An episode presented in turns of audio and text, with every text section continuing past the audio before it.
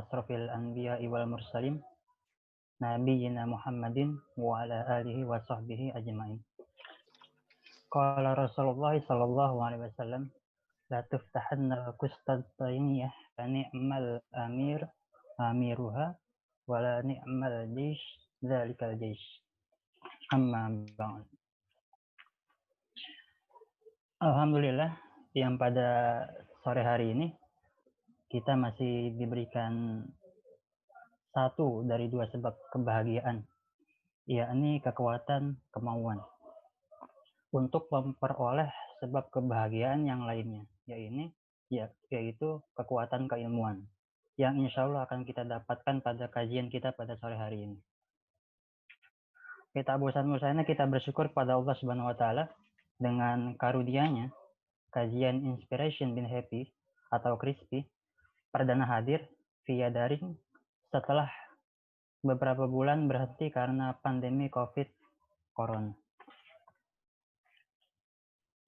Kajian ini disiarkan langsung melalui Instagram FKDK dan kanal YouTube FKDK Unsika. Oke, saudara dan rekan-rekan semuanya, Kajian kita pada hari ini mengangkat tema kebangkitan Muslim Turki pada Masjid Hagia Sophia, yang mana narasumber kita adalah seorang traveler Muslim dan juga uh, seorang pembelajar sejarah. Alhamdulillah Bapak Dr. Edi Syukur sudah bersedia meluangkan waktunya untuk berbagi ilmu dan pengalamannya kepada kita semua.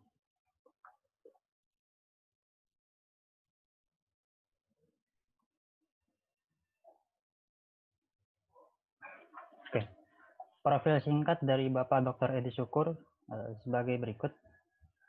Pengalaman kerja. Uh, beliau pada tahun 2000 hingga 2002 bekerja sebagai peneliti di PT Nagasaki Seiki, kemudian sebagai peneliti di PT Tenon General Seikyu, Exxon Mobil Affiliate to Japan pada bulan April 2002 hingga Mei 2004 kemudian menjadi Special Staff to Director PT Pardik Jaya Chemical bulan Mei 2004 hingga Juni 2007. Kemudian menjadi direktur di Edward Group tahun 2007 hingga saat ini.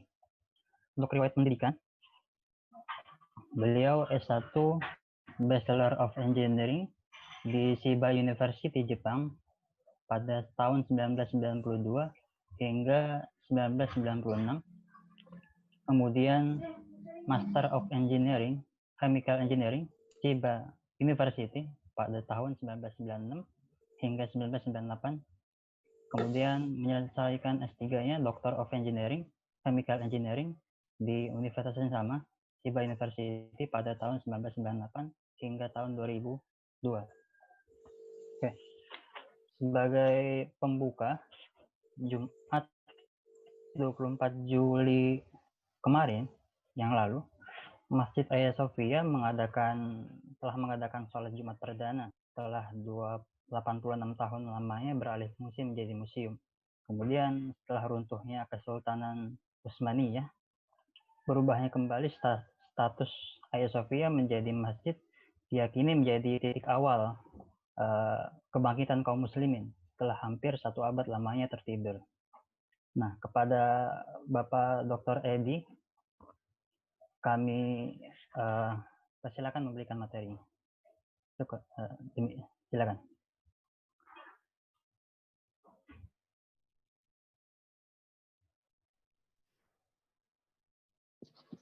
Assalamualaikum warahmatullahi wabarakatuh.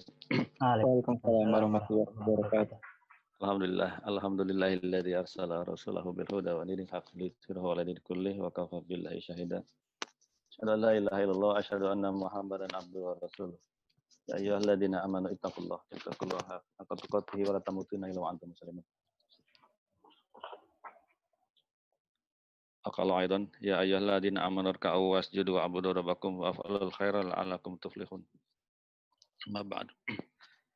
Uh, ini manggilnya adik-adik aja ya, apa bapak-bapak, ibu-ibu?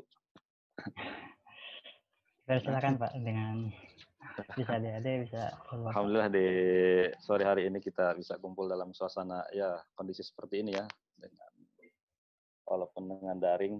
Ini saya kedengeran kan ya?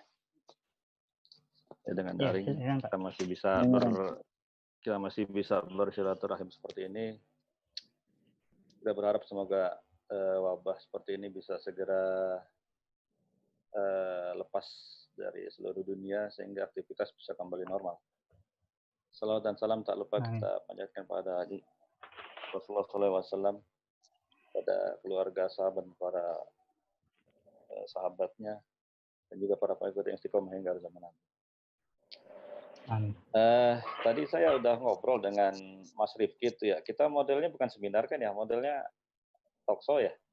Jadi lebih ya. saya lebih kalau misalnya ditanya aja nih dibandingkan dengan saya ngasih materi. Oh, gitu ya, Pak boleh boleh sebetulnya lebih enak lebih enak begitu karena karena begini saya uh, memang uh, saya bukan bukan apa namanya bukan ilmuwan yang fokus di penelitian tentang sejarah tapi saya punya minat yang banyak uh, terhadap sejarah karena begitu saya lepas dari kuliah saya di Jepang.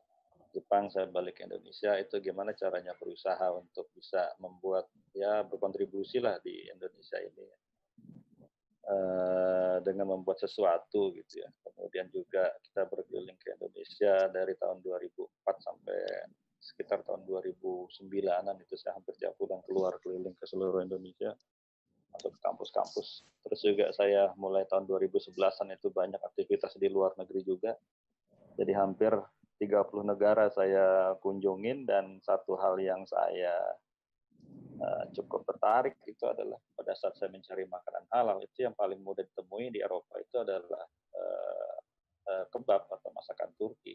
Nah, dari situ ketertarikan saya buat belajar lebih dalam tentang Turki itu seperti apa jadi makin makin kuat. Gitu. Ditambah juga beberapa setahun terakhir ini saya banyak aktivitas di Turki bekerja sama juga dengan orang Turki dan akhirnya ya makin makin apa namanya makin klop aja.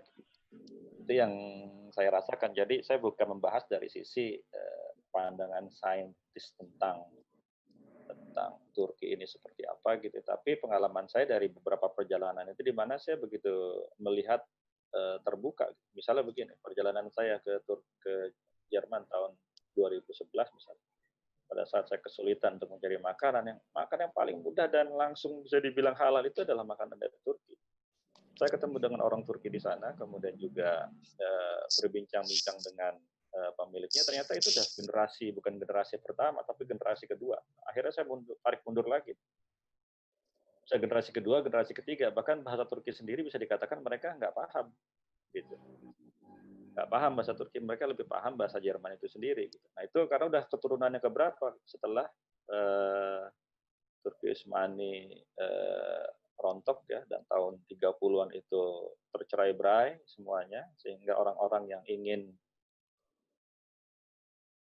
namanya itu dengan baik mereka lebih memilih untuk keluar dari Turki gitu karena pada saat itu ketika ketika Turki Usmani itu Eh, berubah menjadi sekuler secara paksa atau secara top down gitu ya. Itu orang-orang yang tetap memegang teguh keislaman itu nggak tahan dengan suasana seperti itu. Akhirnya mereka lebih memilih berpindah, berhijrah ke negara-negara Eropa di sampingnya dan berusaha di situ hingga sampai sekarang dan baru mereka merasa nyaman ketika eh, di zaman Erdogan ini zaman Erdogan beberapa kemudahan yang bisa didapatkan oleh Muslim itu bisa kembali lebih utuh.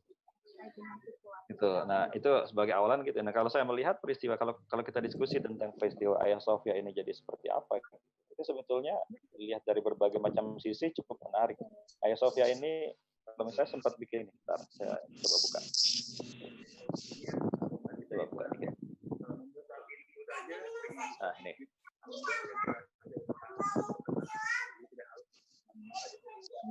Pressure ya.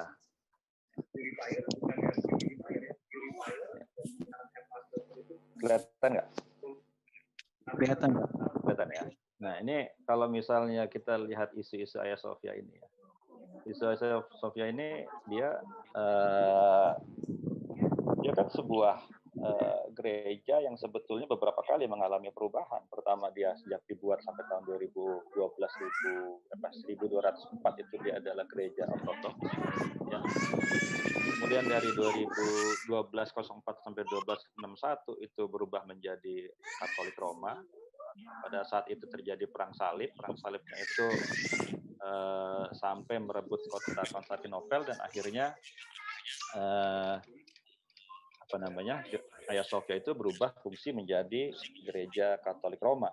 Yang sekarang pusatnya tetap ada di Roma di kemudian juga berubah lagi direbut lagi oleh Konstantinopel Romawi Timur dari tahun 1261 sampai 1453 yang di tahun 1453 ini direbut oleh Muhammad Al-Fatih, di akhir menjadi masjid.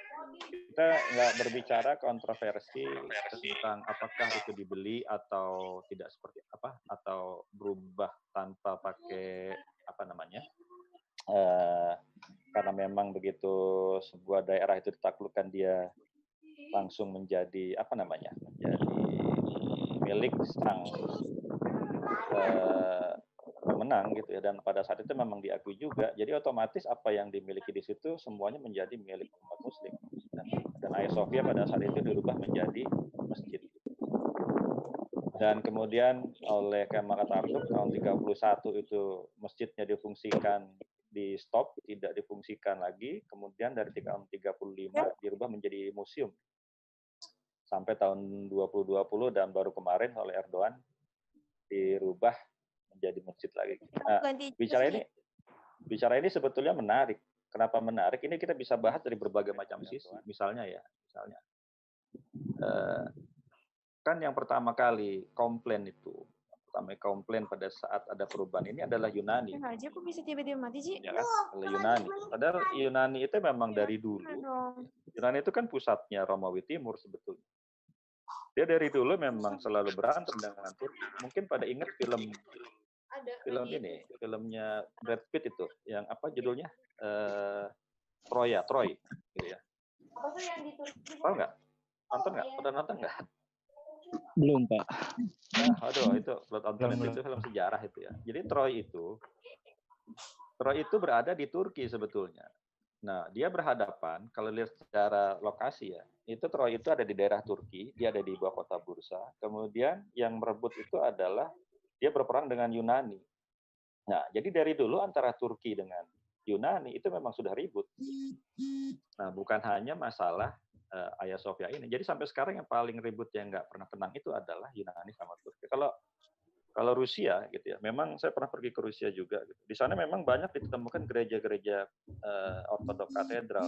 Dia dan di, di, secara resmi memang pusat secara dalam tanda kutip ya pusat dari katedral itu ada di Rusia, tapi sesungguhnya enggak juga. Karena di uh, Katolik uh, Ortodok di, di gereja Ortodok gitu ya. Di ya di Kristen Ortodok ini gitu ya. Itu uh, memang dikatakan pusat ada di Rusia, sesungguhnya enggak juga.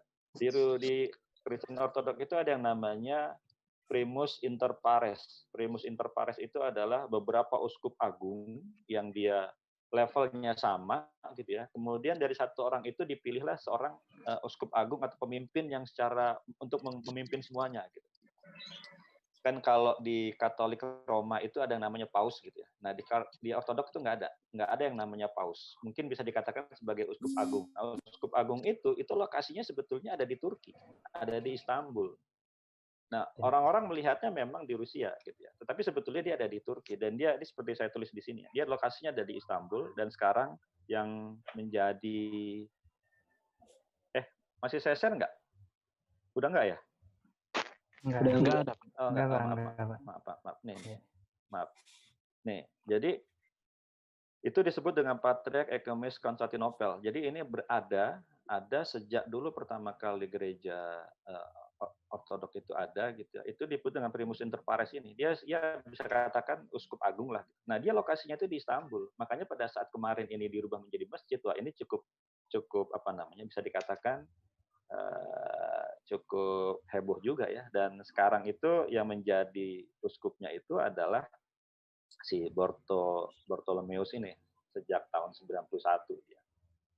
Dan kalau misalnya mereka menurut mereka gitu ya, kenapa ini bisa dikatakan eh, cukup kontroversial? Karena Ayah Sofia ini menurut Dewan Gereja merupakan simbol harmoni dari berbagai macam agama. Itu menurut menurut dalam tanda kutip klaim mereka. Gitu. Pada dasar, tapi sih sebetulnya kalau saya melihatnya, mungkin kalau misalnya kita bisa melihat lagi jauh lebih dalam gitu. Kebetulan saya juga baru baca buku eh, eh, Al-Fatih juga, ini baru terbit juga.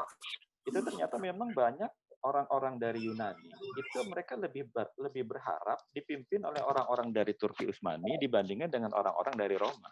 Itu itu ada salah satu kutipannya seperti itu. Karena apa? Karena justru Turki, orang Turki Utsmani itulah yang mereka lebih moderat ya, lebih lebih lebih menerima keberbedaan mereka dibandingkan dengan uh, dibandingkan dengan agama-agama uh, yang lain. Gitu. Itu itu menurut mereka sendiri. Gitu. Nah ini menjadi penting lagi isu isu tentang Ayah Sofia ini menjadi penting itu kalau saya bikin saya bikin beberapa poin di sini ya. Yang pertama itu karena memang uh, dia salah satu janji Erdogan pada saat pemilihan presiden kemarin itu. Dalam dua tahun terakhir dia sudah boro-boro ini sudah ngasih tahu bahwa uh, apa namanya ya, bahwa Hagia Sophia ini akan dirubah lagi menjadi masjid. Gitu. Itu salah satu janji dia. Dan memang di Ramadan terakhir kemarin itu, itu di Ramadan terakhir itu dibacakan ayat Al-Quran itu di Hagia Sophia. Itu sudah jadi satu tanda bahwa emang udah bentar lagi nih. Gitu ini apa ya? Bisa di bisa di mute dulu nggak ini? Iya, untuk hostnya minta tolong uh, di mute dulu ya. Yang jadi host siapa ya? Oh, hostnya saya. Tolong ada yang jadi host dong? Siapa yang bisa jadi host? Saya aja, Pak. Saya, Pak. Siapa nih? Uh, saya rubah dulu nih. Ya. ya udah, saya aja. Rifki ya. ya Oke. Nah, tuh. Udah, coba. Tolong di mute dulu dong.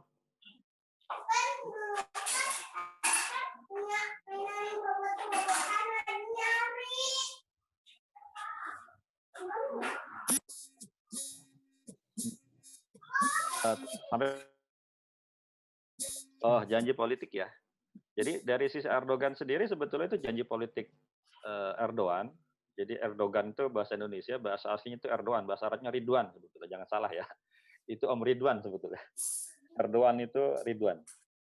Nah, Erdogan itu sejak dua tahun lalu sudah woro-woro tentang politik bahwa akan mengembalikan Masjid Ayah Sofia ini menjadi eh Ayah Sofia ini lagi. Dan itu juga dibuktikan dengan kemarin saat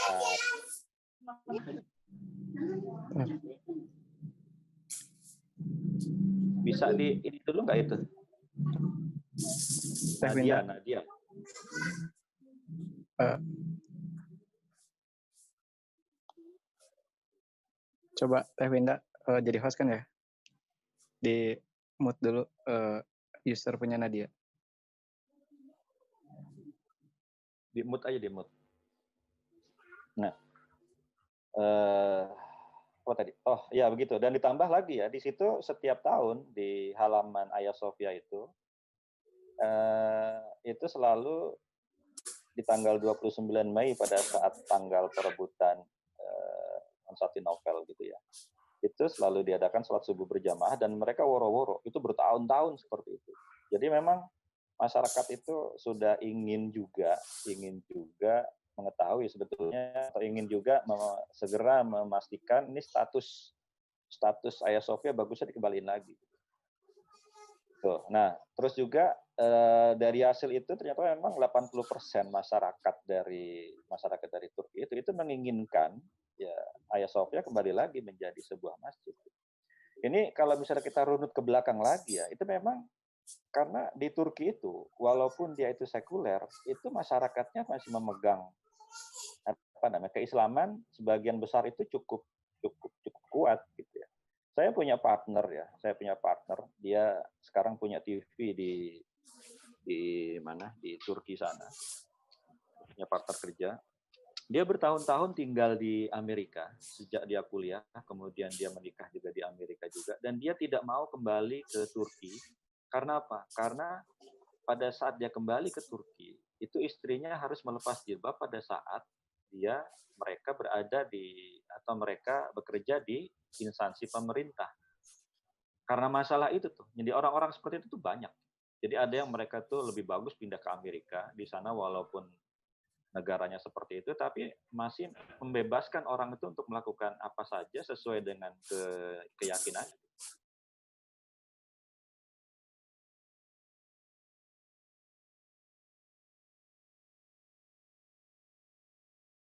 Pada saat sholat Jumat itu yang dia menggunakan simbol-simbol ya simbol-simbol politik yang bisa mengingatkan orang terhadap memori masa lalu. Itu yang dilakukan oleh Erdogan ini. Gitu. Uh, itu sih sebetulnya yang apa namanya yang saya rasakan berkaitan dengan Ayah Sofia ini ya. Dia sebuah isu yang ke depannya seperti apa kita masih belum tahu. Yang jelas kalau Rusia walaupun katakan ya itu adalah uh, masuknya masuk dalam wilayahnya si siapa? Masuk dalam wilayahnya wilayah negara internalnya Turki. Jadi silakan saja nggak apa-apa. Walaupun kami mengalami kecewaan. Rusia hanya seperti itu. Yang tetap menolak itu adalah Yunani. Karena memang sejak awal Yunani itu dari zaman Troy dulu sudah ribut dengan Turki. Mungkin kalau misalnya melihat ya, melihat uh, sejarah dunia itu bisa lihat petanya antara Yunani dengan dengan Turki itu dua negara yang selalu gak akur sampai sekarang walaupun sama-sama dua sekarang dua negara ini ada di Dewan Keamanan. Begitu mungkin dari saya sebagai awalan. Mungkin ada yang mau didiskusikan.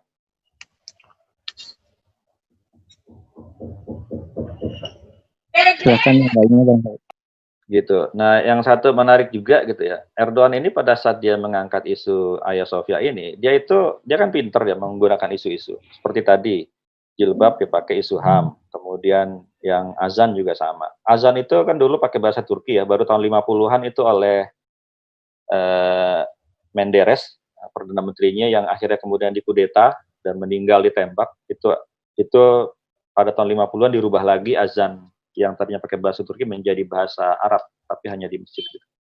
Nah, itu eh, siapa? Ayah Erdogan ini dia pinter pada saat dia merubah Ayah Sofia itu, dia mengatakan begini, bukan dia mengatakan sih, tapi Menteri Luar Negerinya bilang begini. Apa yang kami lakukan dengan Ayah Sofia itu sebetulnya persis sama dengan apa yang dilakukan oleh Perancis terhadap Notre Dame. Notre Dame itu mirip dengan gereja. Gereja juga dan dia bisa dipakai juga untuk tempat kalau di Kristen untuk kebaktian gitu ya. Dan dia juga sebagai museum juga. Nah, itu yang dilakukan oleh Erdogan. Itu kalau misalnya kami kami tetap mempergunakan Hagia Sophia ini sebagai kami tetap mempergunakan Hagia Sophia ini sebagai sebuah museum gitu. Ya. Lagi tapi di jam-jam di jam-jam sholat dia kita rubah menjadi masjid. Makanya sekarang sudah dipasang tuh di dalam kan kalau misalnya masuk kita masuk ke dalam Hagia Sophia itu di sana ada lukisan Bunda Maria ya. Kemudian ada berbagai macam lukisan banyak di sana itu. Ya maklum aja itu kan bangunan yang dibuat tahun 500-an ya. Itu isinya tentang ya, ya ada Bunda Maria ada macam-macam gitu ya. Itu udah dibuat alat untuk menutup. Jadi pada saat jam-jam sholat itu ditutup, kemudian dilakukan sholat, setelah sholat selesai itu dibuka lagi, sehingga orang tetap bisa masuk. Dia, dia fungsinya sama seperti Notre Dame, bisa dipakai sebagai alat e, bangunan untuk tempat beribadah, dan bisa juga dipakai sebagai tempat museum. Gitu. Dan kalau misalnya kita apa namanya kita telis telisik lebih dalam gitu ya. Ini sebetulnya Turki rugi dengan merubah Hagia Sophia ini menjadi masjid karena dia tahun ini ya setiap tahun akan berpotensi kehilangan dana kurang lebih sekitar eh, 500 miliar. 500 sampai 700 miliar itu habis eh, tidak akan dia terima karena kan selama ini biaya untuk masuk ke Hagia Sophia itu sekitar 70 sampai 100 lira. Itu itu bisa dikat bisa sekitar 200 ribuan dan pengunjungnya itu bisa sekitar 4 jutaan setiap tahun yang masuk ke Hagia Sophia. Jadi sekitar 500 sampai 700 miliar Turki lagi dengan dirubahnya menjadi masjid. Dia merela, dia merelakan itu. Sebuah sebuah resiko. gitu. Dan memang eh, saya sebetulnya justru lebih tertarik bagaimana kita membahas ayat membahas Erdogan ini dibandingkan dengan membahas Ayasofya. Ayasofya ini hanya bagian kecil aja. Erdogan ini sebetulnya dia eh, pada saat dia menjadi presiden gitu. Dia itu kenapa dia bisa lah 2016 itu dia cukup banyak eh, mendapatkan simpati dari masyarakat bahkan masyarakat menjadi tamengnya dia sendiri gitu. Karena dan bisa dikatakan Erdogan sekarang menjadi orang yang paling lama berkuasa, bahkan lebih lama berkuasa dari Mustafa Kemal Atatürk itu sendiri. Dia udah berapa tahun? Dari tahun 2002 sampai sekarang berarti udah hampir 18 tahun. 18 tahun dia menjadi penguasa di Turki. Itu dia pinter, dia cantik, dia bermain.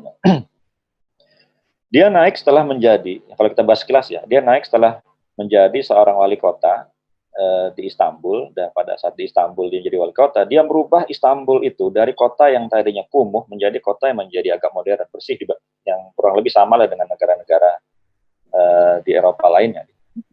Walaupun kalau menurut saya masih kotor ya. Negara Eropa yang paling bersih itu ada Jerman, dua Belanda. Kalau Italia itu koproh, jorok. Belgia itu pesing malah. Paling bersih itu ya Belanda sama Jerman. Itu negara sampah nggak bisa temuin. Kalau di Asia mungkin sama dengan Jepang dan Singapura gitu. Nah, dia pada dia jadi wali kota, dia merubah kota Istanbul yang tadinya jorok, yang angka angka turisnya juga sedikit, menjadi lebih rapi. Dia terpilih, AKP terpilih, menang di tahun pemilu tahun 2002, kemudian dia jadi perdana menteri. Nah, Erdogan pada saat itu, ya, yang dilakukan pertama kali adalah karena pada saat itu masyarakatnya baru lepas dari krisis ekonomi tahun 2001, itu kan krisis global, global ya. Erdogan fokusnya di pada masalah ekonomi. Masalah ekonomi dia fokuskan, akibatnya apa? Akibatnya eh, masyarakat itu yang tadinya miskin ya, yang tadinya miskin menjadi lebih lebih kaya. Nih, saya udah buat ininya. Nih, contoh gambar ini. Kelihatan nggak? Ini pendapatan per kapita Turki pada eh, ini tahun 2001 paling rendah ya. Eh, yang ini 2001 ya. Kemudian pada saat Erdogan menjadi memerintah jadi perdana menteri ini langsung melonjak drastis dan tertingginya itu mencapai 12.000 di tahun 2013 dan sempat mundur-mundur dan sekarang mencapai 9.300 lagi. Tapi ini udah udah tinggi. Bayangkan dalam waktu 10 tahun dia merubah hampir empat kali lipat pendapatan per kapita. Saya bandingkan dengan Indonesia. Indonesia itu di tahun yang sama segini, jumlahnya kurang lebih eh, 800-an. Kemudian di tahun 2018 menjadi 3.800, empat kali lipat juga. Tetapi er, uh, Turki mulainya dari sini, Indonesia lebih rendah lagi, kurang lebih sama. Nah Erdogan pada saat dia fokusnya pada ekonomi aja. Masyarakat yang tadinya uh, udah muak dengan permainan politik Akhirnya mereka mendukung Erdogan yang dia fokusnya di ekonomi tadi itu. Akibatnya apa? Dia nggak merubah yang lain dulu. Yang dilakukan adalah pertama kali dia ngerubah yang namanya uh, sistem pemerintahan. Korupsi langsung ditangan. Orang-orang dari partai pendukungnya yang korupsi itu langsung dihukum sama dia. Mungkin orang menyebutnya AKP gitu. Tapi kalau orang Turki pendukung pendukung pendukung Erdogan di sana menyebutnya bukan AKP, tapi Akparti. Ak itu bahasa Turkinya itu adalah putih, bersih. Jadi partai yang bersih. Jadi disingkat, Ak Parti itu adalah partai yang bersih atau uh, partai yang putih gitu. Mereka punya bank namanya Akbank, jadi bank bank bersih gitu. Itu yang mereka dengungkan begitu. Jadi kalau ada orang Turki yang menyebutkannya AKP, berarti dia oposisi. Karena yang bukan oposisi biasa menyebutnya dengan Ak, Ak Parti. Nah itu yang dilakukan oleh Erdogan. Dia fokusnya hanya kepada ekonomi aja nggak nggak mengutak atik yang lain. Makanya bisa dikatakan drastis kenaikannya. Bayangkan sampai 12 ribu dalam waktu 10 tahun. Dan itu luar biasa. 12 ribu itu artinya gini, orang baru lahir satu bulan itu dia bisa berpendapat 12 juta. Karena dua, uh, uh, uh, 12 ribu US itu berarti kurang lebih 150 juta rupiah per tahun. Ya kurang lebih satu orang itu bisa berpenghasilan sekitar 12 eh, juta per bulan, 15 juta per bulan lah. Itu yang eh, yang dilakukan oleh Erdogan sehingga orang-orang tuh bisa mapan. Dia sangat mendukung yang namanya apa-apa segala sesuatu itu harus Turki dulu. saya sedang bikin perusahaan di Turki gitu ya. Salah satu persyaratannya itu adalah kalau ada satu orang asing bekerja di Turki, maka harus merekrut lima orang lokal. Bayangkan lima orang lokal ketika dia masuk ke sebuah perusahaan yang di situ ada satu orang asing. Jadi mendahulukan, makanya dia apa namanya, uh, uh, apa namanya, mendahulukan orang Turki dulu, gitu. Segala macam investasi dia terima masuk, tetapi salah satu syaratnya seperti itu, gitu. Beda misalnya, beda lagi dengan di negara-negara uh, seperti di negara yang kaya itu seperti Qatar misalnya. Kalau Qatar lebih gila lagi kalau orang mau bikin perusahaan, maka eh, saham dominannya itu harus dimiliki oleh orang Qatar. Jadi harus ada orang Qatar dalam sebuah perusahaan. Itu bisa, dia minimal sahamnya harus 51 persen.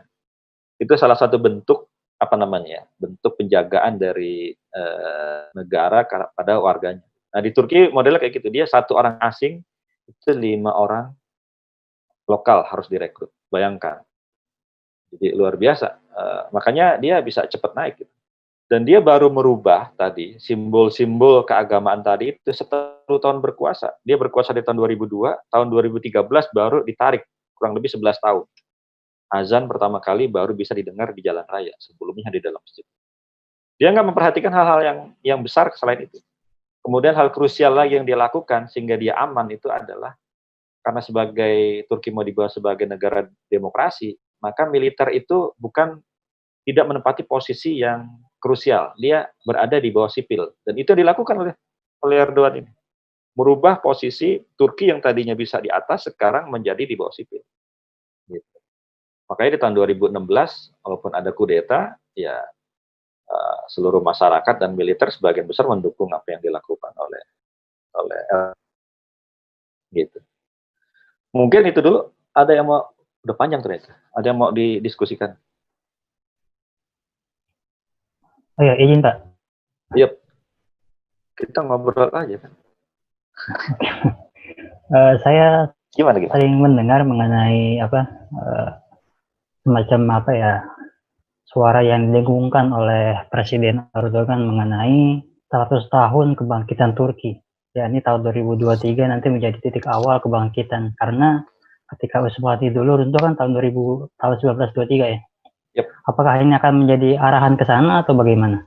Jadi menjadi segala hal yang dilakukan Erdogan pada 10 tahun ke belakang ini, apakah akan mengarah ke sana juga atau bagaimana? Uh, gini, bisa jadi seperti itu. Kenapa begitu? Saya pernah uh, masuk ke ke ini, saya pernah masuk ke istana Erdogan, ke tempat ya. bahkan foto di situ juga. Mungkin kalau ngeliat IG saya, coba lihat di Instagram saya tuh. Di situ saya foto di depan uh, yang biasanya hanya duta besar aja yang foto di situ karena saya punya channel ke pemerintah di sana akhirnya saya boleh masuk situ. Saya ketemu dengan kepala staf presidenannya. Kemudian diajaklah ke situ. Sampai di sana saya dijelasin begini. Uh, di depan sana itu ini pas di depan istana kepresidenannya di Presidensial Palace namanya gitu itu di Ankara. Dia jelasin di depan kita itu ada bangunan yang baru dibangun itu tahun depan berarti tahun ini tahun depan akan diresmikan, itu akan jadi, itu akan menjadi uh, perpustakaan terbesar di seluruh dunia karena pemerintah Turki uh, bercita-cita perpustakaan itu akan menjadi seperti perpustakaan di Baghdad dulu yang menjadi pusat ilmu pengetahuan. Itu itu pertama. Ya, jadi apa yang dilakukan oleh pemerintah Turki saat ini. Kemudian sekarang Turki baru bangun yang namanya bandara baru namanya New Istanbul. Dia menggantikan eh, menggantikan eh, bandara lamanya yang namanya Kemal Mustafa Kemal Atatürk Airport. Sejak tahun lalu itu sudah dirubah, jadi Mustafa Kemal, Kemal Airport itu sekarang hanya menjadi bandara untuk eh, kargo, sedangkan untuk penumpang dipindahkan ke New Istanbul. Nah, dengar-dengar bandara barunya ini itu akan dirubah namanya menjadi Al-Fatih Sultan Mehmet atau Muhammad Al-Fatih. Gitu. Entah kapan. Yang jelas sekarang kapasitasnya itu satu tahun 40 juta dan targetnya menjadi 100 juta orang yang bisa naik turun pesawat di situ. Dan itu akan menjadi pesawat terbesar, mungkin ketiga di dunia setelah New York ya, setelah John F. Kennedy. Sekarang kan eh, eh, Qatar ya itu masih masih tinggi. Jadi sekarang antara Turki, Qatar, Emirat dan satu lagi Oman itu dia eh, empat negara yang dia menjadi hub antara eh, negara Asia dengan ke Eropa. Jadi kalau misalnya kita mau ke Eropa itu jarang ada pesawat yang langsung kecuali Garuda dari Jakarta sampai ke eh, sampai ke Nederland ke Belanda. Tapi sekarang udah di cancel karena sedikit. Jadi buat sampai ke sana kan perlu perjalanan kurang lebih sekitar 18 eh, 12 jaman. Itu kita transit dulu entah itu di Uni Emirat Arab, entah itu di Istanbul, entah itu di Oman ya. Baru naik lagi ke Eropa. Nah, jadi Turki itu akan mengambil pasar itu dengan Turkish Airline, Turkish Air-nya. Apa yang dilakukan oleh Erdogan adalah gimana caranya dia membangun bandara yang besar dan itu akan bisa sanggup mencapai 100 ribu orang per tahun. Dan yang lebih yang lebih gilanya lagi dari mimpi itu adalah sampai saat ini Turkish Air gitu ya. Itu terbang ke semua negara yang dulu pernah menjadi wilayah Turki Utsmani walaupun di situ penumpangnya hanya satu. Saya dijelaskan kayak gitu. Jadi memang cita-cita Jadi memang cita-cita cita-cita pemerintah. dari pemerintah itu untuk cita-cita berusaha dari pemerintahnya lagi itu untuk berusaha mengumpulkan lagi itu memang ada ya salah satu contoh tadi itu gimana dia Turkish Air dia selalu ada penerbangan ke negara atau ke tempat yang apa namanya yang walaupun di situ penumpangnya hanya satu gitu. dalam rangka tadi mengumpulkan membuat pernah berada di bawah Turki Utsmani itu tadi ya kalau misalnya kita lihat sejarah Turki ya mulai dari pembentukannya eh, diri Turki Utsmani itu siapa sebetulnya? Pendiri Turki Utsmani itu kan Utsman bin Ertu, Ertugrul ya. Utsman bin Ertugrul itu yang disebut dengan Utsman I.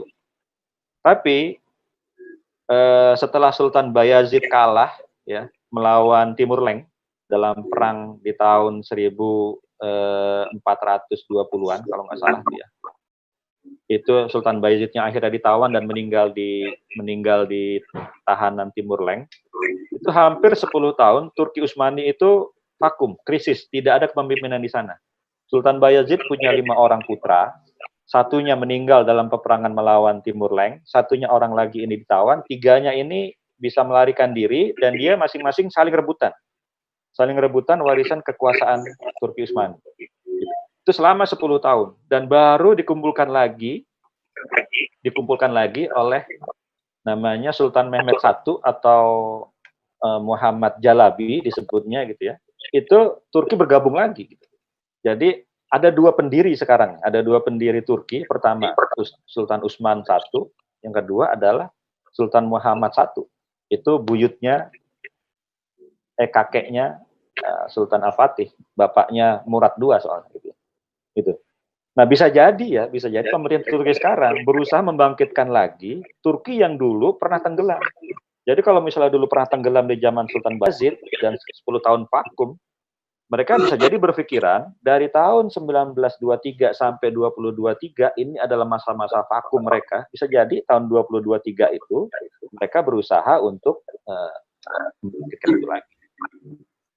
Gitu. Kalau saya, saya uh, pikiran saya sih kayak gitu ya, hipotesa ya. Ini berdasarkan cerita-cerita dan juga informasi yang saya dapatkan tentang apa yang pemerintah itu. Gitu sih. Hmm, ya, ya. Tapi yang jelas ke arah sana ada ya. pemerintah, Ke arah sana itu ada. Ya. Gimana? Oke. Eh, pemberitahuan untuk audiens dulu Pak sebentar. Oke. kepada para audiens jika yang menonton melalui YouTube maupun IG, jika ada pertanyaan bisa melalui slido.com garis piring crispy. Nanti bisa langsung tuliskan pertanyaan. Jika yang audiens yang berada di dalam forum Zoom ini silakan bertanya melalui chat ya. Oke. Oh ini Pak, ada pertanyaan lagi Pak Oh, siap. dari Kang Beren.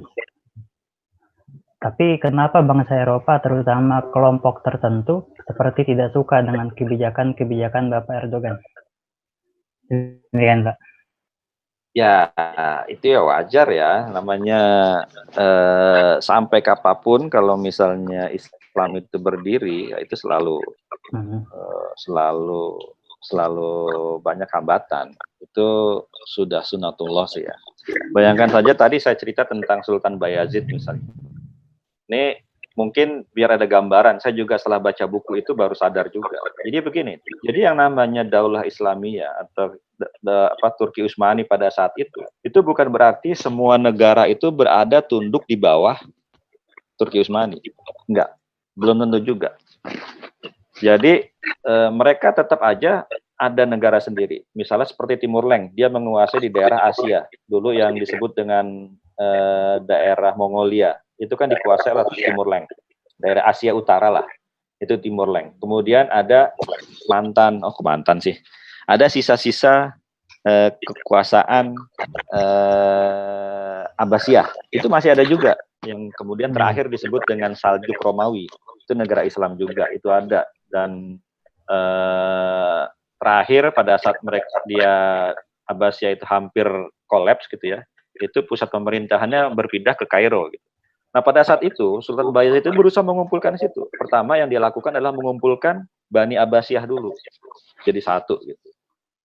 Tapi eh, kemudian dia berusaha bergabung dengan Timur Leng, tetapi Timur Leng ini diojok-ojok oleh orang-orang yang ada di Eropa. Orang-orang Eropa kan banyak yang mulai dari Hongaria, kemudian eh, Jermania, kemudian Yunani, Serbia, Bosnia itu adalah daerah negara-negara yang dulu besar. Walesia itu daerah-daerah yang di atas Edirne sedikit, di atas eh, Turki sedikit, yang dulu adalah negara-negara besar gitu. Dia ngompor-ngomporin, ya negara-negara itu ngompor-ngompor Timur Leng untuk berperang melawan Turki Utsmani ini. Gitu. kan. Dan akhirnya memang akhirnya terjadi perperangan kan antara Bayezid satu dengan Timur Leng itu tadi. Walaupun Timur Leng itu sebetulnya negara Muslim, dia ini keturunan dari Hulagu Khan juga, ya, kemudian dia negara Muslim juga, tetapi ini berperang gitu. Oh, gitu. Nah itu aja bayangkan ya sesama Muslim aja itu masih berperang. Ya. Apalagi ini untuk orang-orang yang di luar negara Muslim. Jadi banyak orang yang nggak suka seperti itu. Karena memang Turki ini dalam 10 tahun tadi saya membahas masalah ekonomi ya, dia itu merangkaknya sangat luar biasa. Dalam 10 tahun dia menjadi 10 negara besar di Eropa yang kekuatan ekonominya paling tinggi. GDP-nya paling tinggi. Kalau kita melihat GDP dia perbandingannya dia dengan uh, bukan nominal ya. Kalau nominal kan tadi 9.300 ya. Kalau dia perbandingan berdasarkan daya beli, Turki itu 14.000. Turki 14.000, jadi sangat tinggi sekali. 14 ribu, uh, iya 14 ribu itu pendapatan per kapitanya tahun ini. Jadi kemampuan daya beli mereka itu tinggi dibandingkan dengan Indonesia. Indonesia masih sekitar 4 ribuan. Gitu. Makanya orang-orang banyak yang nggak suka, apalagi uh, Erdogan itu yang dia bawa, dia itu nilai-nilai keislaman itu kan sebetulnya universal ya. Nah itu yang dibawa kepintaran, kepintaran dari Erdogan adalah dia membawa nilai-nilai keislaman, keadilan, ya, masalah kesetaraan. Itu adalah hal-hal yang universal yang semua orang itu mau, semua orang itu tunduk dan semua orang itu menginginkan itu. Itu pinternya dia. Nah, kan banyak orang yang tidak menginginkan itu kan. Banyak orang yang serakah, banyak orang yang secara naluri memang itu tuntutan uh, fitrah dasar manusia pengen semuanya di dikrekepin sendiri kan. Orang-orang itu yang nggak suka dengan apa yang dilakukan oleh Erdogan ini. Gitu sih. Jadi kenapa kenapa banyak negara Eropa begitu ya karena itu tadi. Ditambah satu lagi ya, satu lagi, Turki itu satu-satunya negara Eropa yang wilayah geografisnya paling besar itu berada di Asia. Jadi kalau misalnya kita ngelihat eh, Turki, sebentar saya pernah bikin slide-nya dulu. Seminar di mana itu ya? Bentar.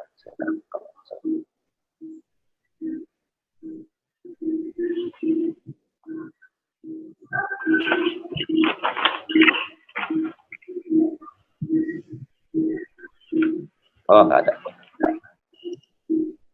Atau di Google deh. Google Map. Jadi sebagian besar, hampir 80% negara Turki itu, sebagian besar itu berada di Asia. Nah, coba saya cariin di Google Map.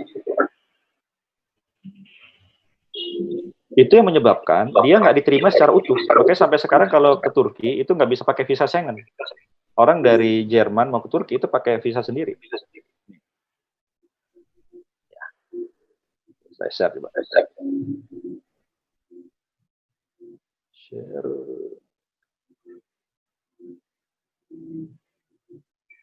Eh,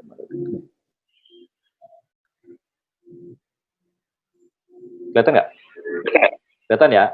Ini, ini batas ini nih, ini batas Turki nih yang saya tunjuk. Di atas saya Istanbul, Istanbul itu segini doang. Ini batas Turki, ke sana ada Bulgaria. Turki itu mencakup wilayah sampai ke sini. Dia berbatasan dengan Armenia, ya, berbatasan dengan Syria. Ini sebagian besar. Jadi bayangkan ya, mungkin 91 persen itu segini. Ini Turki sampai Armenia. Dia berbatasan dengan Georgia, Armenia di sebelah sini. Kemudian di bawahnya ada Syria. Gitu. Ini Turki. Jadi bisa dikatakan ini salah satu alasan juga kenapa dia ini nggak bisa uh, sulit diterima secara secara apa ya benar-benar di di Eropa. Kalau kita ke Bulgaria ya kita ke ke ke Greece gitu ya itu bisa pakai visa Schengen. Visa Schengen itu begitu kita mendarat di Yunani kita bisa pergi ke bersemua negara Eropa tanpa perlu bikin visa lagi. Nah tapi nggak bisa dipakai untuk Turki harus bikin visa Turki sendiri lagi. Gitu. Karena itu tadi salah satunya. Ini Turki memang sebagian besar di Asia. Tadi saya cerita tentang tentang Troy. Troy itu ada di sini kurang lebih. Ini Greece. Jadi perperangan dulu antara negara Troy dengan Yunani itu dari sini ke sini. Oke sampai sekarang dia tetap aja berperang antara Yunani dengan Greece itu tadi. Itu mungkin ini ada pertanyaan banyak ya? Apa ada 15 ini? Absen, Pak. Oh, enggak. Oh, absen. Saya kepada perlu absen para saya? audiens, eh, Saya perlu absen nggak? Pak. Saya absen dulu ya. Baik, pada audiens, silakan jika ada yang ingin bertanya, silakan menyampaikan pertanyaannya. Bagi yang berada, yang melihat melalui YouTube maupun Instagram, bisa melalui selido.com garis miring crispy. Ya, punten, silakan.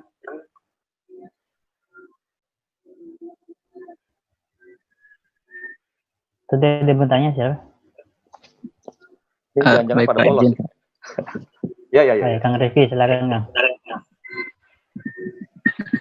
Eh, begini Pak, Oh, ya. eh, saya pernah membaca ya makna politik di balik keputusan Hagia Sophia sebagai masjid ini tuh banyak juga yang mengaitkan dengan pembebasan Al-Aqsa gitu. Banyak pengamat melihat Erdogan menjadikan momen ini sebagai bentuk apa ya glorifikasi dan kemenangan kaum Islamis dengan menyatakan kebangkitan Hagia Sophia merupakan pertanda awal pembebasan Masjid Al-Aqsa. Nah, menurut pandangan Bapak, ke depannya seberapa besar gitu manuver-manuver politik Erdogan ini berpeluang bisa mewujudkan pembebas- pembebasan Al-Aqsa? Sekian Pak. Eh, saya eh, nggak bisa, ya nggak tahu nggak nggak tahu juga gimana ya apa yang ada di dalam rencana Erdogan ke depan juga seperti apa. Walaupun dia sempat juga kemarin mengatakan bahwa ya ini awal awal untuk bisa membebaskan Al-Aqsa. Ya mungkin bisa jadi juga, bisa jadi juga dia sedang mencari atau sedang berusaha mendapatkan eh, apa namanya ya, mendapatkan eh, pengaruh dari negara-negara yang eh, negara-negara Muslim lainnya, gitu. Bisa jadi juga seperti itu.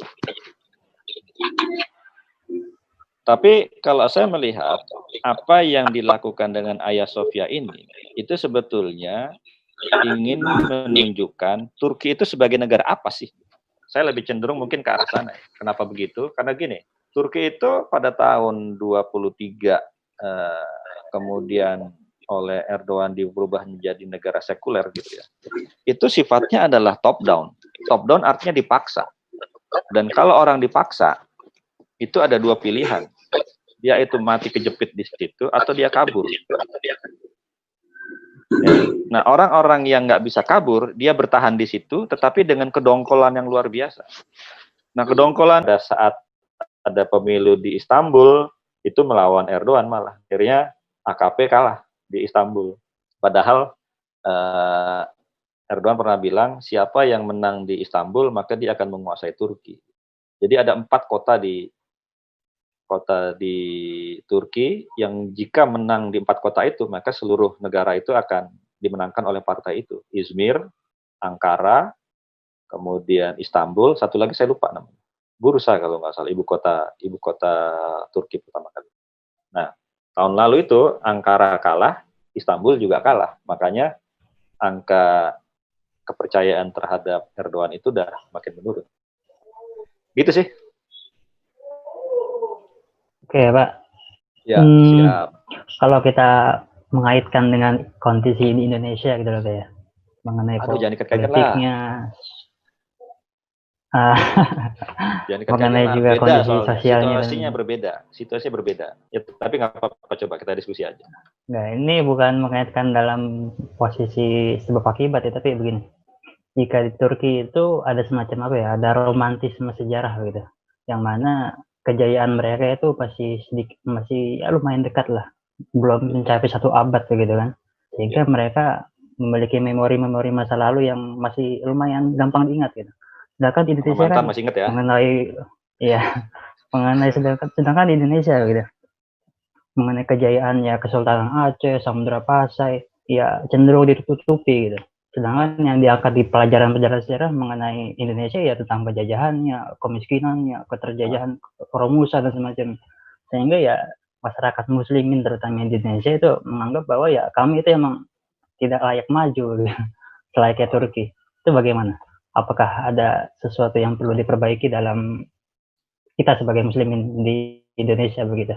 Sehingga ya sedikit banyak bisa ikut menjiplak dari apa yang dilakukan oleh Turki. Begitu kan? Begitu Pak. Gini sih, sebetulnya ya, buat ngerubah Indonesia itu, kita belajar dari Turki aja. Belajar dari Turki itu gini, orang itu ya, kan hakikat dakwah itu adalah merubah masyarakat yang miskin dan eh, jahiliyah itu menjadi Hmm. masyarakat yang islami dan sejahtera. Ya. Jadi, kalau kita belajar dari Turki gitu ya, jadi untuk merubah masyarakat Indonesia ini agar mau menjadi sebuah negara maju, paling pertama kali dilakukan itu adalah gimana caranya ngencengin perut, ya bukan ngencengin perut, menuhin perut dulu, ngisi perutnya dulu, Ekonomi. Nah, ekonomi dulu. Turki coba kan, bayangkan dalam 10 tahun dia bebas melakukan apa aja. Pada saat eh, Erdogan bilang ini semuanya masyarakat oke. Karena apa? Karena basic basic need atau kebutuhan dasar dari manusia atau dari penduduk Turkinya itu sudah terpenuhi. Penduduknya itu sudah terpenuhi, dia itu bisa berpikir normal, bisa berpikir eh, apa namanya? berpikir jernih.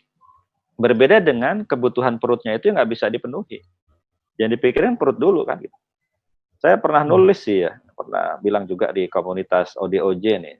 Saya bilang begini nih, itu kalau datang eh, masyarakat Indonesia itu sekarang yang pemahamannya terhadap Islamnya bagus itu, itu yang menengah ke atas. Lihat aja peristiwa-peristiwa yang beberapa tahun terjadi, misalnya 212, 411 gitu. Itu pendukung utamanya adalah orang-orang yang menengah ke atas. Terus kalau misalnya kita pergi itikaf sebelum ada pandemi misalnya, pergi itikaf ya, itu orang yang paling banyak adalah orang-orang yang menengah ke atas juga. Sedangkan orang-orang yang eh, menengah ke bawahnya atau yang berada di bawah gitu, ya, itu nggak peduli dengan itu, karena mereka masih mengejar basic needs-nya itu tadi. Kalau di buku Stephen Covey yang nomor 7 itu bilang ya, jadi orang itu eh, buku itu kan ditulis karena kegelisahan si Stephen Covey terhadap orang-orang Eropa di di apa eh, di poin yang ketujuhnya itu eh, sharpen the saw. Sharpen the saw itu adalah me, me- apa namanya? menajamkan menajamkan eh, gergaji. Nah, salah satu poin menajamkan gergaji di situ adalah menajamkan sifat empati kita kepada masyarakat. Nah, dulu Stephen Covey menulis itu karena memang di Eropa yang di mana eh, taraf hidupnya itu sudah lebih tinggi gitu ya. Itu banyak orang-orang yang bingung, saya melakukan apa lagi nih? Semua kehidupan saya sudah bisa, sudah didapatkan. Apa yang harus saya lakukan? Akhirnya mulai mereka mulai mencari-cari eh, kebutuhan rohaninya. Gitu. Nah itu yang disasar oleh si Stephen Covey itu. Jadi manusia juga sama. Jadi orang kalau misalnya kebutuhan dasarnya itu sudah terpenuhi, dia itu mulai akan berpikir, apalagi yang akan bisa saya lakukan.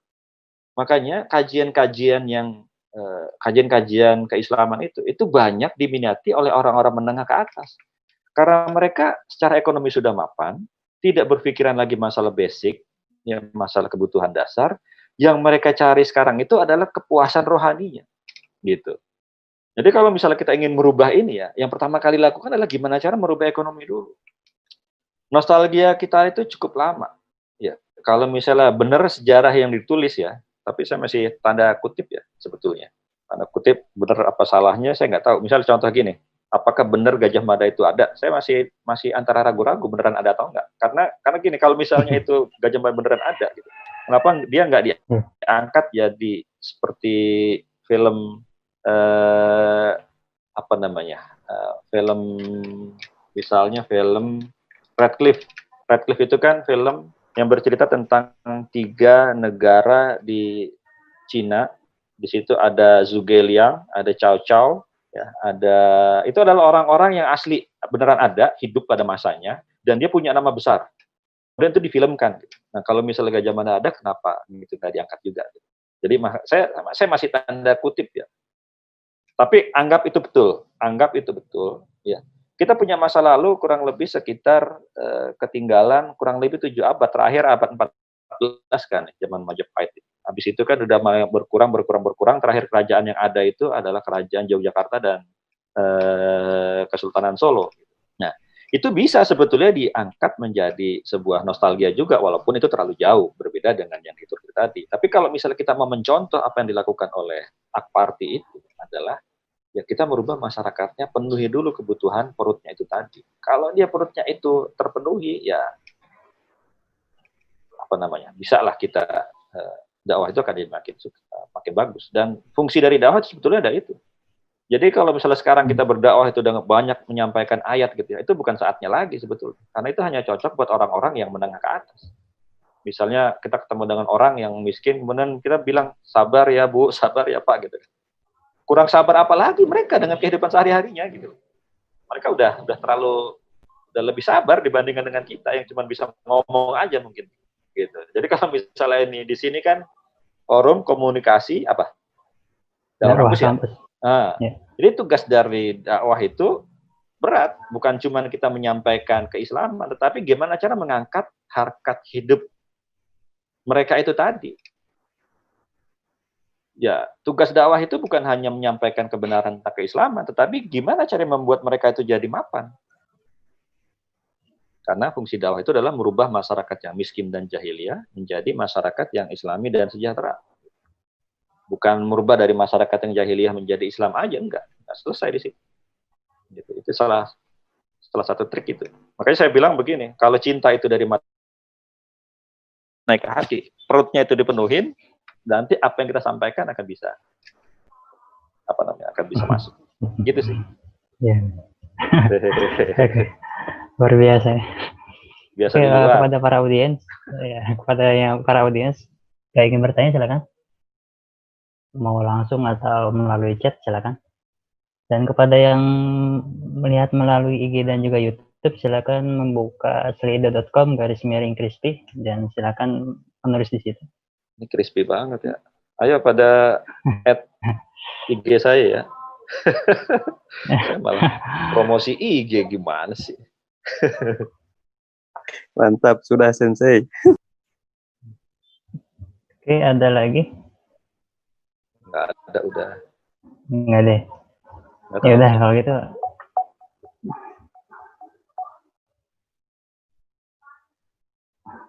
Ada lagi yang bertanya?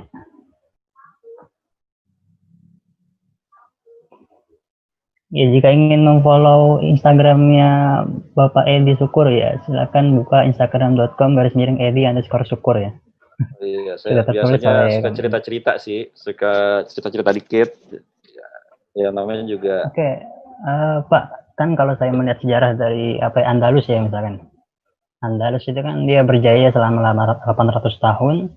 400 tahun pertama, di antara 400 tahun pertama dan 400 tahun kedua itu ada semacam kemunduran entah itu ekonomi dan perpecahan begitu. Nah, di situ ada seorang ulama yang berperan sangat besar untuk menyatukan kembali dan membangkitkan kembali uh, apa ya semacam kejiwaan muslimin waktu itu. Itu ada Ibnu Hazm dan dan yang lainnya. Apakah di Turki juga ada semacam tokoh penting di balik selain Erdogan gitu yang entah itu memberikan semacam apa ya, dalil dan semacamnya sehingga Erdogan itu bisa tetap berada di track yang benar untuk kejayaan Islam begini? Uh, kalau gitu. itu saya kurang tahu ya kalau di sekarang ini. Tapi yang jelas di awal abad 20, dulu kan ada yang namanya Baid Baidu zaman Said Nursi ya. Itu kan orang yang hmm, yeah. berubah di Turki juga yang kemarin berselebaran juga itu meme muridnya dia mengatakan saya memang tidak bisa melihat Hagia Sophia menjadi masjid, tapi nanti murid saya yang akan melihat dan salah seorang muridnya kan menjadi saksi juga Hagia Sophia berubah menjadi jadi masjid lagi. Nah, kalau yang Hmm. sekarang saya nggak tahu eh, seperti apa, Eh, tapi memang eh, sejarah itu memang selalu berulang ya, selalu berulang. Jadi kalau tadi di Abbasiyah juga setengah terakhir juga kemunduran, di Turki juga setengah kemunduran. Saya mungkin cerita sedikit tentang kemunduran di Turki juga. Kalau misalnya kita pergi ke Turki, ke Istanbul gitu. Eh, ah, nih, zaman-zaman sampai Sultan Sulaiman itu kezuhudan para eh, sultannya itu sangat luar biasa. Saya pernah foto, nih saya lihat dulu bentar, saya tampilkan dulu.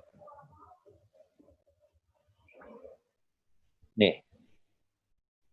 Eh, ini rumahnya Muhammad Al-Fatih. Kelihatan? Iya kelihatan Pak. Kelihatan. Yang ini nih, ini rumahnya Muhammad Al-Fatih. Ini Masjid Fatih namanya. Yang ini Masjid Fatih. Di sampingnya itu eh, rumah Sultan eh, Muhammad Al-Fatih. Muhammad Al-Fatih itu dia sangat zuhud. Rumahnya itu dari sini ke sini itu panjangnya kurang lebih sekitar 10 meter lah. Jadi hanya 10 kali 10. Muhammad Al-Fatih itu dikuburkan di sini, di dalam sini. Hanya 10 kali 10. gitu. Jadi dulu Istana Topkapi yang sekarang menjadi museum di situ ada rambut Rasulullah, ada pedang Ali, ada jubah Rasulullah dan segala macam eh, properti-properti yang dimiliki oleh para sahabat gitu. Itu bisa ngeliat ke sana saja sampai nangis juga ngeliat itu ya. Ternyata bisa ngelihat pedang Ali gitu. Itu Istana Topkapi itu dibangun oleh para eh, pembantunya Sultan Al-Fatih karena pada saat beliau selama kurang lebih 30 tahun ber- berkuasa menjadi sultan gitu ya. Menerima tamu di sini itu sampai nggak muat lagi. Nggak wajar lah sebagai seorang sultan menerima tamu di tempat yang sesempit ini. Akhirnya dibuatkanlah eh, istana Topkapi yang besar. Itu sampai bertahun-tahun, kurang lebih sekitar 150-an tahun, hampir 200 tahun istana Topkapi itu dibuat. Sampai zaman eh, King Sulaiman Al-Qanani. King Sulaiman, tahu kan ya, itu yang membawa Ki di masa puncak kejayaannya. Itu ada di masa King Sulaiman, di mana masyarakat itu sudah sejahtera, kemudian sistem perundang-undangan modern itu sudah dibuat oleh King Sulaiman, makanya dia disebut dengan Al-Qanuni tadi itu. Gitu ya. Iya. Nah itu eh eh, eh, eh, gini, eh, setelah masa kepuncakan itu, ternyata yang namanya budunnya itu hadir di para sultan ini juga. Itu bangunan-bangunannya berubah. Bangunan-bangunannya berubah yang Sultan apa eh, Istana Topkapi itu di eh, dibangun istana baru namanya Dohman Balce gitu ya. Itu memang luas sekali, itu menjadi istana yang menjadi tempat meninggalnya Mustafa Kemal Atatürk juga. Ada satu ruangan di situ ditunjukkan tempat meninggalnya Mustafa Kemal Atatürk, ruangannya kecil. Itu istana Domah Balce itu, itu luar biasa megahnya.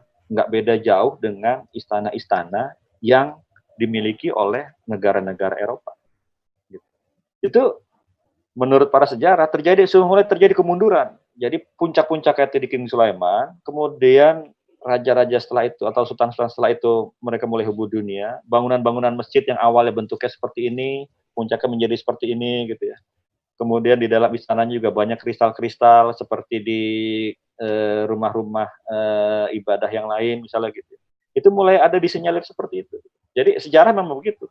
Jadi ada mulai Abbasiyah dia setengah awalnya itu adalah masa kebangkitan, setengahnya adalah masa kemunduran. Di zaman di zaman apa Turki Utsmani juga sama. Setengahnya itu adalah masa kebangkitan naik dan setengahnya itu masa kemunduran. Dan di masa kemunduran itu memang ada muncul-muncul ulama-ulama yang memperbaharui. Yang, yang saya sih yang terakhir tahu ya itu Said Nursi itu tadi. Tapi yang jelas sejarah selalu berulang. Bisa jadi juga sekarang ada ulama yang menjadi panutan dari pemerintahan sekarang atau Akparti itu juga. Tapi nggak dipublish, bisa aja kayak gitu kan. Kita nggak tahu. Hmm, iya. Tapi Tapi yang jelas sih saya rasa selalu ada ya orang-orang yang gitu. Seperti misalnya gini, uh, uh, Al-Fatih, Muhammad Al-Fatih itu pada saat dia berperang melawan Raja Konstantin, Raja Konstantin ke-11 yang akhirnya menjadi raja terakhir di Konstantinopel gitu. Itu punya dua ulama namanya uh, Aksamsuddin yang ter yang satu lagi Al Kausani kalau nggak salah. Itu punya dua ulama yang dia selalu dekat.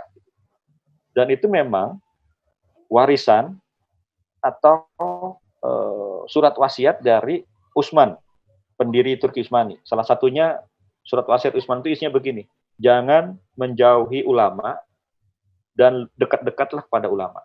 Itu pesan sebelum Sultan Utsman yang pertama itu meninggal.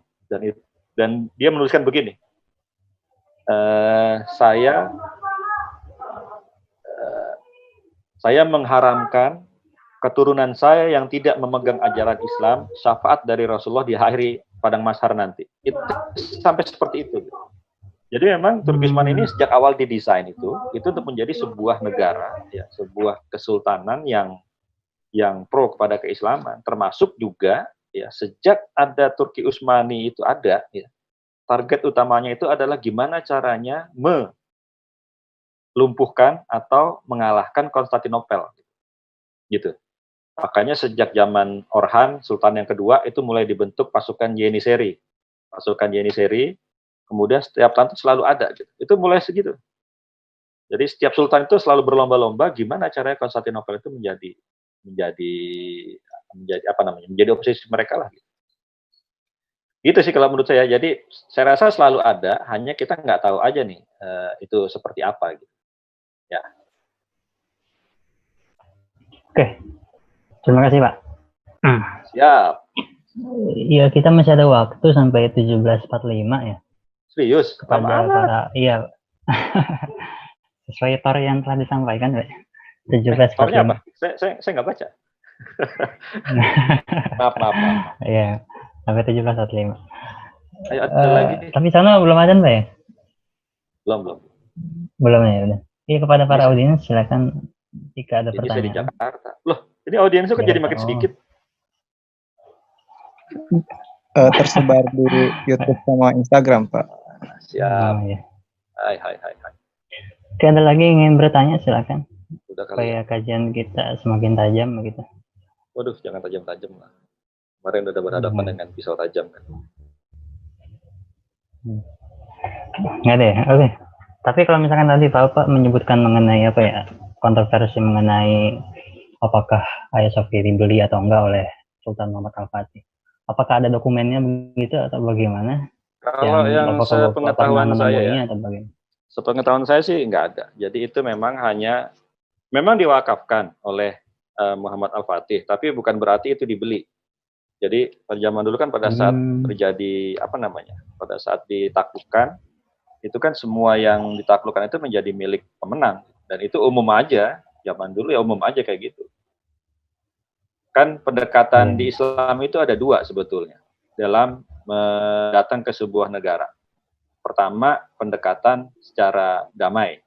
Pendekatan secara damai itu pada saat memasuki sebuah negara, mereka mau mengakui keberadaan negara itu, mereka cukup membayar pajak, ya, membayar apa namanya, uh, upeti. Nah, setelah itu semua yang ada di negara itu langsung dilindungi. Iya, iya. Tidak ada satupun yang disentuh termasuk rumah ibadah, harta benda milik penduduknya, menu, harta benda milik negaranya itu nggak ada yang disentuh, gitu. Dengan catatan mereka mau tunduk kepada aturan eh, khalifah kekhalifahan Islam itu. Nah yang kedua, jika cara damai tidak bisa dilakukan, maka yang dilakukan adalah cara dengan eh, peperangan tadi itu. Nah, rumus peperangan, si pemenangnya itulah yang menguasai semuanya, termasuk juga harta benda dari penduduk yang ada di situ. Dan orang-orang penduduknya itu bisa dijadikan tawanan atau bisa dijadikan budak. Dan itu berlaku umum di zaman itu. Biasa aja jadinya.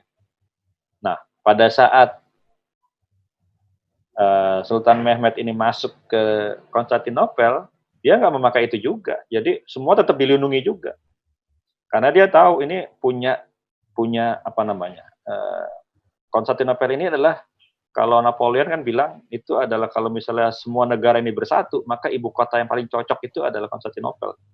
Tapi bilang begitu kan. Hmm. Karena paling indah memang. gitu. Nah, dengan keberadaan itu makanya semua tidak ada yang dirusak satupun. Dan hanya dikonvert saja masjid-masjidnya, eh, gereja-gerejanya dikonvert menjadi eh, apa? Menjadi masjid. gitu. Dan banyak masjid-masjid baru yang didirikan itu banyak masjid baru. Termasuk juga Masjid Blue Mosque. Blue Mosque itu nama aslinya Masjid Sultan Mehmet atau Sultan Al-Fatih II. Pas berhadapan. Nah, ini di belakang saya nih, ini Masjid Al-Fatih. Ini Blue Mosque. gitu. Latar belakang saya. Gitu sih. Udah ya. Saya malu sendiri ngeliat IG di live di IG sendiri. malu saya. Oke, ya yang lain, audiens yang lain ada pertanyaan lagi atau bagaimana? Udah, Pak. Persilakan Malu jika sendiri ngeliat ada muka saya soalnya. Tapi ya ganteng lah Pak. nggak apa-apa. Iya, saya banyak bilang ganteng gitu sih. Saya bercanda Pak. Oh, tapi Iya. bohong gitu ya. Wah, parah banget. Ada di Iya. jadi hostnya dah kalau gitu. Iya. Nggak dijadiin, nggak dijadiin co-host deh. Aduh. Aduh, Pak Ji. Nggak enak ya. Oke, ada, ada, ada lagi ya? Sebelum ditutup, ada sekitar 8 menit lagi lah ya. Sebelum kita akhiri pertemuan yang indah sore hari ini ya. Ayo, nggak ada. Kang Zaki, Kang siapa?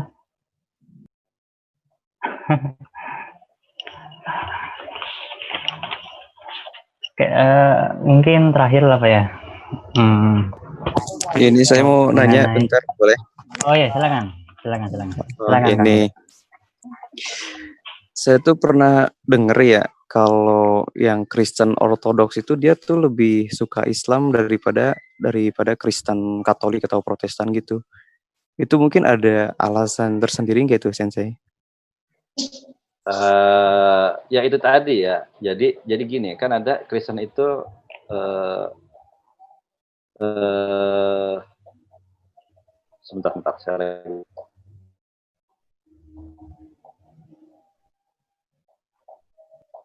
Jadi gini. Eh apa tadi pertanyaannya? Maaf maaf maaf. Jadi lebih dekat. Oh gini. Itu ada ungkapan para uskup-uskup dulu di gereja ortodok pada saat eh, ada jadi dia mengatakan begini saya lebih suka melihat topi-topi apa namanya topi-topi saya lupa paus apa apa gitu ya. Saya lebih suka melihat sorban-sorban Turki. Gitu. Itu karena apa? Itu mungkin pengalaman sejarah pada saat eh, perang salib di tahun 1204 ya, di mana pada saat itu Kristen Ortodoks itu bisa dikalahkan oleh pasukan salib sehingga gereja Konstantinopel itu dirubah menjadi masjid eh, dirubah menjadi gereja Ortodoks gitu ya. Itu banyak-banyak eh, bangunan-bangunan yang dimiliki oleh gereja Ortodoks itu dirusak. Nah, itu berbeda dengan yang dilakukan oleh Muhammad Al-Fatih. Gitu. Mungkin dari sana ya, mungkin dari sana. Dan memang gereja ortodok ini ini kalau ngelihat dari tampilannya itu lebih dekat ke ke ke Islam gitu. Sama juga dengan Kristen Koptik yang di Mesir ya. Itu kan lebih dekat ke situ. Jadi mulai dari pakaiannya juga gitu. Saya ngelihat di Rusia gitu. Itu memang saya sampai sempat salah masuk. Saya pikir ini masjid karena udah beneran kayak kayak kubah masjid begitu ya ternyata gereja ortodok di sana gitu. Karena udah udah samar gitu. Jadi kayak gitu. Saya nggak tahu eh, alasan aslinya apa gitu. Tapi yang jelas kemungkinan besar sih karena sisi kemanusiaan seperti itu ya.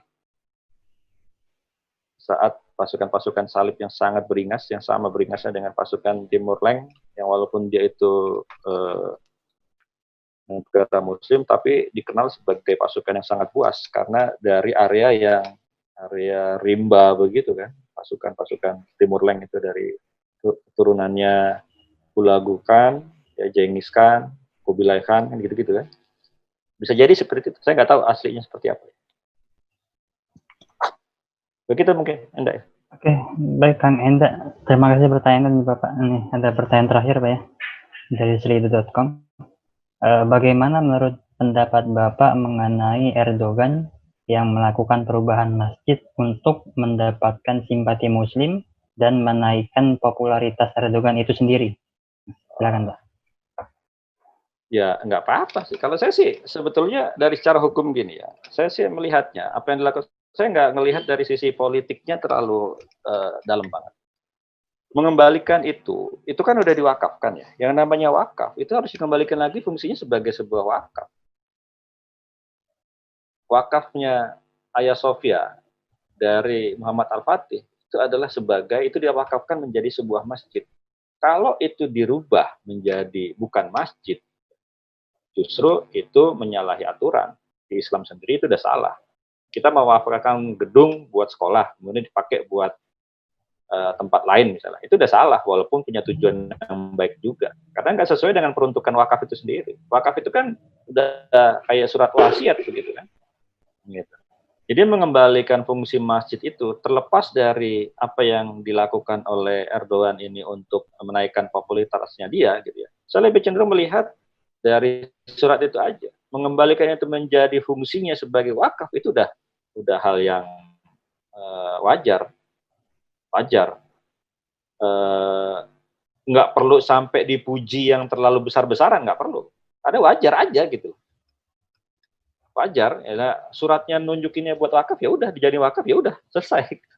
Nggak usah di hmm terkait masalah popularitas dia ya itu urusan dia gitu kan. Kalau buat saya sih itu jadi masjid ya udah alhamdulillah. Walaupun dalam tanda kurung ya karena saya udah pernah naik dua kali ke sana. Agak ngeri begitu naik di lantai dua tuh lantainya sudah mulai bergelombang. Jadi kalau misalnya mau dipakai ya di bawah aja. Saya pikir saya rasa udah diperhatikan juga sih di sana. Lantai dua Ayah Sofia itu hmm. sudah agak bergelombang. Jadi kalau misalnya okay. banyak langkah derap, apalagi orang kalau sholat itu kan kadang jatohin dengkul gitu ya dup. Itu kalau bergetar semuanya bisa repot juga. Jadi kalau pikir sholatnya cukup di bawah aja lantai dua lebih bagus ya buat buat museumnya aja dari sisi bangunan itu bangunan berusia berapa tahun sekarang berarti? Dibangun tahun 500-an 15 abad loh. 15 abad. Bangunan 15 abad. Mungkin satu-satunya bangunan di dunia yang dia itu terbuat dari batu yang tengahnya itu berongga. Kalau di Indonesia ada ada bangunan seperti itu kan Borobudur. Ya Borobudur. Itu kan luas juga dari batu juga. Tetapi tengahnya kan pejal kan. Ini bangunannya dari batu tengahnya itu berongga. Dan berongganya itu luasnya luar biasa. Jadi itu memang peninggalan dunia banget ya Ayah Sofia termasuk juga Blue Mosque dan segala macam. Blue Mosque itu udah berusia kurang lebih tujuh abad 700 tahun itu juga luar biasa kemarin lagi dipugar sih ini Ayah Sofia juga baru selesai dipugar makanya kemarin bisa dipakai buat sholat tahun lalu saya ke sana masih ada belum dibuka semuanya karena masih dipugar. Itu kan udah mulai mengelupas ya warna-warnanya. Kan tulisan apa namanya? lukisan-lukisan Bunda eh, apa Bunda Maria misalnya tulisan Allah itu kan masih asli semuanya itu. Sebagian ada yang udah mengelupas. Mungkin dipugar di situ. Itu sih kalau hmm. saya menurut masalah politik ya susah ya. Semuanya memang pasti dikaitan dengan politik sih saya lebih cenderung iya, gitu, iya. mengembalikan itu ke fungsi awalnya ya udah bagus banget. Oke. Gitu. Oke Pak, uh, mungkin tadi kalau mengaitkan mengenai wakaf tadi ya, apakah bisa disamakan antara penaklukan Muhammad Al-Fatih yang darinya tadi gereja jadi masjid dengan masjid menjadi museum yang dilakukan oleh Kemal Mustafa Kemal? Apakah itu bisa disamakan? Sehingga ya, ya menjadi wakaf bisa. bagi Mustafa Kemal juga begitu. Dasar hukumnya apa? wakaf itu kan udah wakaf itu kan eh, wakaf itu kan ada yang punya jangka waktu wakaf itu ada yang pakai jangka waktu saya mewakafkan eh, bangunan saya selama lima tahun untuk sebagai sekolah setelah lima tahun itu bisa dikembalikan lagi ke saya dan difungsikan buat yang lain itu yang pertama wakaf yang tipe pertama. Jadi jangka waktu yang eh, tidak panjang. Tapi ada wakaf yang jangka waktu selamanya. Kalau jangka waktu selamanya itu sama seperti yang dilakukan oleh uh, siapa? Usman yang membeli sumur. Itu kan selamanya, ya kan? Atau wakaf yang yang akhirnya sekarang jadi uh, jadi eh, kebun kurma yang oleh Utsman juga. Itu kan selamanya. Itu nggak bisa dirubah menjadi fungsi yang lain. Gitu jadi kalau misalnya dulu 1453 itu diwakafkan sebagai masjid ya sampai sekarang ya harus ba- dibalikkan lagi sebagai masjid nggak boleh dirubah kecuali atas persetujuan pemberi wakaf gitu jadi harus izin dulu ke Muhammad Al-Fatih kalau misalnya mau ngerubah ngerubah fungsinya gitu. Jadi apa yang dilakukan Iya, iya, dari tahun 1931 itu salah sebetulnya, menyalahi aturan, nggak boleh secara hukum Islamnya. Dia fungsinya sebagai wakaf. Karena itu wakafnya wakaf yang sampai akhir, bukan jangka pendek. Hmm, oke. Sudah cukup, Pak? Sudah ya? Oke, Oke. Eh, Karena berhubung sudah jam 17.46 lebih satu menit ya. Ya, terima kasih kepada Pak Edi Syukur atas Hai. penyampaian materinya. Oke, sebagai penutup, eh, informasi kepada para audiens, eh, FKDK itu memiliki program usaha ya yang bernama Creative Planner. Nah, Creative Planner ini menawarkan beberapa produk ya seperti ya, sepatu, kemeja dan juga ada produk FKDK Shell yang menjual mengenai paket data, pulsa, token dan juga top up e-wallet. Eh, informasi lanjut dan juga pertanyaan dan pemesanan bisa mengunjungi akun Instagramnya @cpreneur @cpreneur. Oke. Oke, demikian informasinya. Terima kasih sekali lagi pada Bapak Edi Syukur atas penyampaian Hai. pengalaman dan juga ilmunya yang sangat luar biasa dan biasa di luar ya. Eh, kita tutup saja dengan oke. pembacaan Alhamdulillah bersama-sama. Alhamdulillah. Alhamdulillahirrahmanirrahim. Bil alamin. Oke. Demikian. Hmm. Subhanakallahumma wa bihamdika asyhadu an la ilaha illa anta astaghfiruka wa atubu ilaik. Eh, demikian. Assalamualaikum warahmatullahi wabarakatuh. Waalaikumsalam warahmatullahi wabarakatuh. Terima kasih Pak Terima kasih Ustaz. Pak ya. Terima kasih banyak. Sensei. Hai. Sudah bisa meluangkan Sudah waktunya. Terima kasih banyak. Udah saya hapus ya. Eh, ya, silakan Pak.